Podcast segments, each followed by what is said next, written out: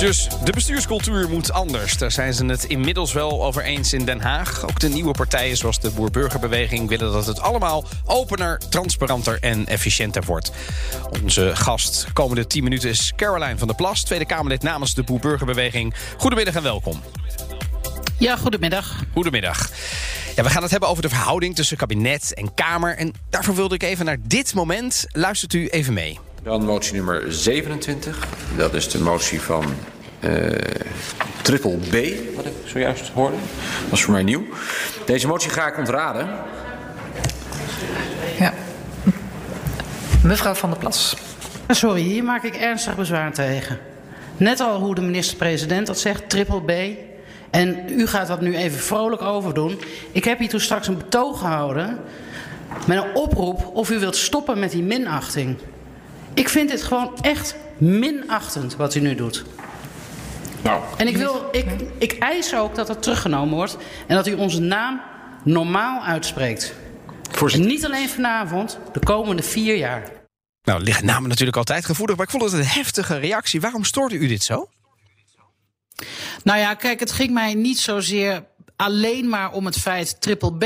Het ging mij erom, dat heb ik in het betoog daarvoor ook gezegd, dat ik merk dat uh, ministers en de minister-president Rutte um, tegenover Kamerleden uh, soms wat lacherig doen, gebaartjes maken, een beetje zitten te ginnegappen, uh, niet serieus reageren op vragen. En daar heb ik ze toe opgeroepen om daarmee te stoppen. Want ik vind dat je, als je een Kamerlid schoffeert, schoffeer je eigenlijk het volk.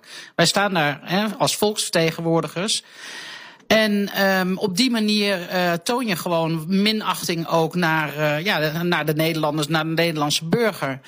En uh, dat triple B, uh, ja, misschien stak het hun dat ik daar mijn betogen om had. Dat ze dat dan expres deden, dat weet ik niet. Maar dat was zo'n typisch voorbeeld daarvan. Dus um, nou, daar, werd ik gewoon, daar werd ik gewoon boos over. Ik denk van, het lijkt wel alsof ik het nieuwe meisje in de zandbak ben die weggepest moet worden.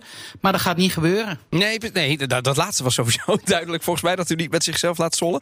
Maar het, het, het klonk inderdaad alsof er meer achter zat, want u was echt boos toen u naar de interruptiemicrofoon ja, liep. Ja, dat klopt. En dat is, dat is de achterliggende reden dat ik boos ben. Het gaat over de, de uh, totale was, manier waarop de, de, het kabinet in uw ogen naar de Kamer kijkt. Ja, en ik heb het, ik heb het ook uh, later in een betoog gezegd. Het lijkt wel uh, in de afgelopen jaren alsof het kabinet hier de baas is geworden. En dat is pertinent niet zo. Zo werkt onze democratie niet. De, het kabinet staat in, in dienst van de Tweede Kamer. Dus in dienst van de Nederlandse burgers. En daar hebben ze gewoon serieus mee om te gaan. En dat is waar ik voorop zal komen. En mensen kunnen me honderd keer lacherig doen over dat ik daar boos over werd. Maar daar, ik zal daar gewoon voor blijven opkomen en voor blijven strijden. Dat die Nederlandse burger gewoon serieus genomen wordt. En dat begint bij de houding van het kabinet tegenover de Kamerleden. U heeft veel ideeën over hoe het anders kan, moet in Den Haag. Zo wilt u bijvoorbeeld alle moties onderzoeken die aangenomen zijn... of er daadwerkelijk iets mee is gebeurd. Dat lijkt me ja. nuttig, maar tegelijkertijd nog veel extra werk voor iemand... die in haar eentje alle departementen moet volgen als volksvertegenwoordiger. Um, ja, dat klopt. Nou ja, van hard werken ben ik nog niet dood gegaan, dus dat, uh, dat kan gewoon. Nee, laten we dat. Uh, het hoeft ook niet te gebeuren. Dus bedoel, het, het lijkt me gewoon heel nee, veel voor nee, nee, maar goed.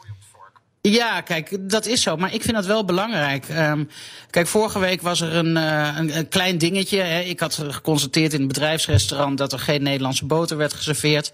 Dus daar heb ik een tweetje over geplaatst. Ik bedoel, dat was gewoon uh, nou ja, even om te laten zien van jammer. Um, vervolgens um, uh, komt de bedrijfseigen, het restauranteigenaar, die, ja, die komt naar me toe later. En die zei van ja, dat is inderdaad niet de bedoeling. Want er is een keer een motie geweest van Jacco Geurts van het CDA. Dat zouden we inderdaad doen. Is nog niet gebeurd. Praat je over 2,5 jaar later. Hè?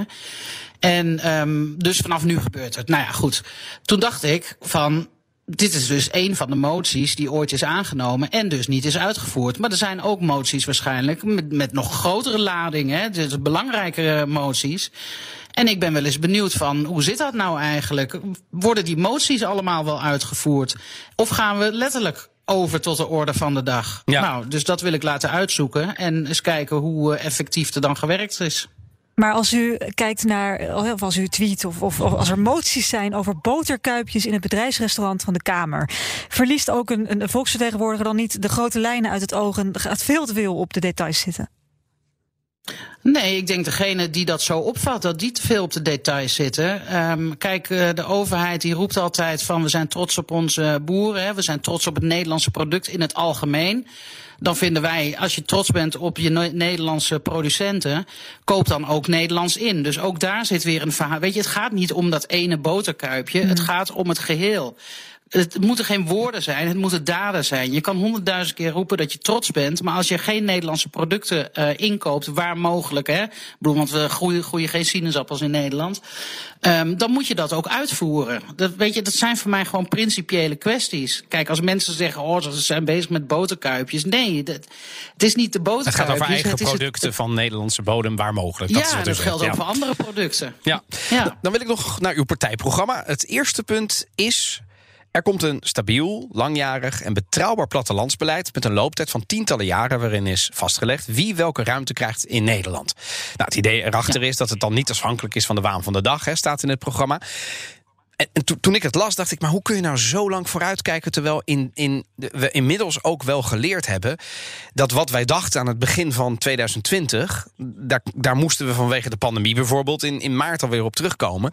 Maar dat was ook met het stikstofdossier. Kortom, ik kan een heleboel dossiers noemen waar u ook mee te maken gaat krijgen.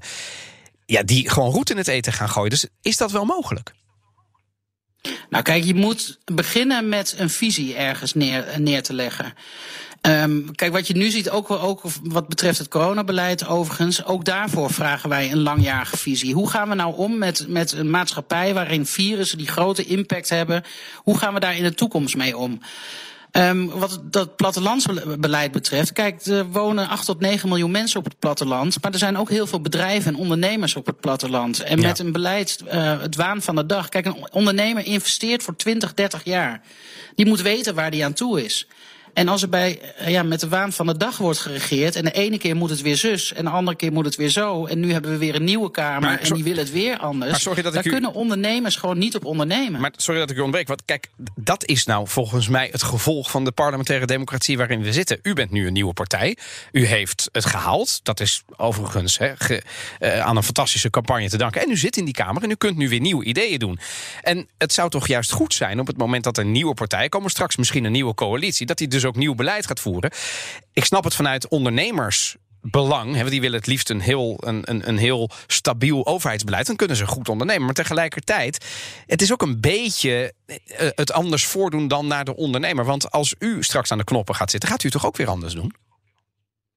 Ja, maar kijk, ik zeg niet dat er geen nieuw beleid uh, moet komen. Maar als je een visie maakt van wie welke ruimte krijgt, hoe gaan we die ruimte verdelen? Wat krijgt de industrie? Uh, wat heeft de bouw nodig? Wat heeft de agrarische sector nodig? Wat heeft de luchtvaart nodig? Wat hebben wij als uh, gewoon burgers in Nederland qua wonen nodig? Als je daar een visie op loslaat, kun je binnen die visie kun je wel een beetje schuiven. Maar er is nu helemaal geen visie. Weet je, nu, wat je uh, nu op het platteland ziet, en ik weet zeker dat heel veel mensen door de groene ruimte rijden op dit moment, dan zie je soms gewoon mega zonneparken staan, datacenters staan. Het wordt er allemaal maar neergeplemd. En nu komt ineens iedereen erop terug. Van ja, ja is, is dat wel goed?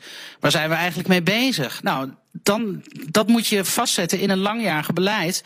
En zeggen van, nou, we hebben een klein land en zo moeten we de ruimte gaan verdelen. En dat kun je doen met alle sectoren. Kun je allemaal erbij betrekken. En dat we in ieder geval weten dat we een stip op de horizon hebben. Van oké, okay, dit willen we en dit willen we in ieder geval niet. En dan kan je beleid gaan maken. Vanaf dat het, is hoe ik erin sta. Ja, vanaf het najaar van 2019 heeft u heel veel meegemaakt. U bent uw man verloren. U heeft een partij opgericht. Verkiezingen. Nu als eenmansfractie in de Kamer. En op de tweede dag had u al een vergadering tot half vijf s'nachts. Dit is allemaal niet niks. Um, ik kan me voorstellen dat u weinig slaap heeft daardoor. Um, ik bedoel, als u daarnaar kijkt, laten we zeggen. Um, gaat het nog wel goed in het Haagse? Bent u fit genoeg voor de komende jaar? Want dit, dit lijkt me een enorme aanslag. In ieder geval op, op de gezondheid, laat ik het zo zeggen. Ja, uh, nou ja, het is inderdaad hard werken. Het is veel. Uh, inderdaad ook veel meegemaakt. Um, nou, ik ben iemand die positief is ingesteld en eigenlijk altijd naar de positieve kanten kijkt in plaats van de negatieve kanten. En ja, dat helpt mij wel. Hè. Ik kan goed relativeren. Uh, soms uh, gooi ik er een beetje humor in, want ja, het leven is ook niet alleen maar zwaar en moeilijk. Um, en op die manier uh, ja, doe ik dat. Dus um, ja, ik voel me goed. En uh, soms heb ik weinig slaap. Maar dit weekend heb ik gewoon lekker kunnen uitslapen. Dus, Kijk, uh, dat, dat is er ook nog ja. wel. Dat is, dat is wel belangrijk om het, lang, om het komende vier jaar vol te houden. En, um, Zeker. En, als nieuwkomer wil je natuurlijk een toegevoegde waarde hebben. Nou ja, u ziet natuurlijk allerlei dingen die anderen misschien helemaal niet meer zien, omdat ze daar al heel lang in die Haagse ka kaastop zijn. Uh, wat is nou uw grootste frustratie tot nu toe in het Kamerwerk, van wat u nu heeft gezien? Nou ja, kijk, ik, ik vind dat die debatten um, en die vergaderingen, die duren gewoon echt hartstikke lang. Ik heb vorige week een wetgevingsoverleg gehad, die duurde tien uur. Het debat vorige week duurde veertien uur. Um, dus ik denk dat kan allemaal wel iets efficiënter en iets effectiever. Um, ja, u zei het al in de, in, in de intro. Uh, als een bedrijf op deze manier zou werken, dan was het hartstikke failliet geweest. Dus um, ja, ik denk dat het efficiënter kan. Bijvoorbeeld door als je een inbreng uh, gaat doen in een debat. Hè, dan bereid je je inbreng voor en dan heb je wat vragen aan het kabinet. En vervolgens gaan alle 17 partijen zo'n beetje dat allemaal herhalen wat er al is gezegd. Dus ik dacht van, zou het niet zo kunnen zijn dat we afspreken dat um, nou ja, Kamerlid A, die het eerste is met de inbreng, die stuurt het rond. Nou, dit is mijn inbreng. Dat alle andere Kamerleden alleen nog maar daarbovenop iets kunnen doen. Dus niet weer het helezelfde verhaal. Alleen, maar als je, een nieuw, dus als je, alleen als je iets nieuws hebt, mag je dan dat extra's. aanvullen. Ja. Dus Precies. Nou, Nou, ik- dan ja. gaan we volgens mij al heel veel tijd winnen. Zeker. Ehm, dus ik wil wel eens eh, rondvragen of we nou, eens een keer een experimentje daarmee eh, doen. Van scheelt dat tijd en gaan we dan iets concreter zijn? En wat ik heel graag zou willen is dat die ministers, die moeten echt korter antwoorden. Ja. Want soms stel je een vraag en dan wil je eigenlijk alleen maar ja of nee horen. En dan sta je tien minuten te luisteren voordat je nou ja, kan zeggen van ik begreep niet wat u zei. Ja. Dat duurt, nou, Ik ga je daar dat veel optelt, ik, duurt ook lang. ik ga daar succes mee weten, want eh, wethouders en ministers zijn inderdaad lang van stof. Volgens mij kiezen ze daarom dit beroep. Maar dank Caroline van der Plas, Tweede Kamerlid namens de Boer-Burgerbeweging. Wilt u meer van dit soort gesprekken horen? Nou, dat kan, want we plaatsen ze online als podcast. Zoek op topgast in de onvolprezen BNR-app.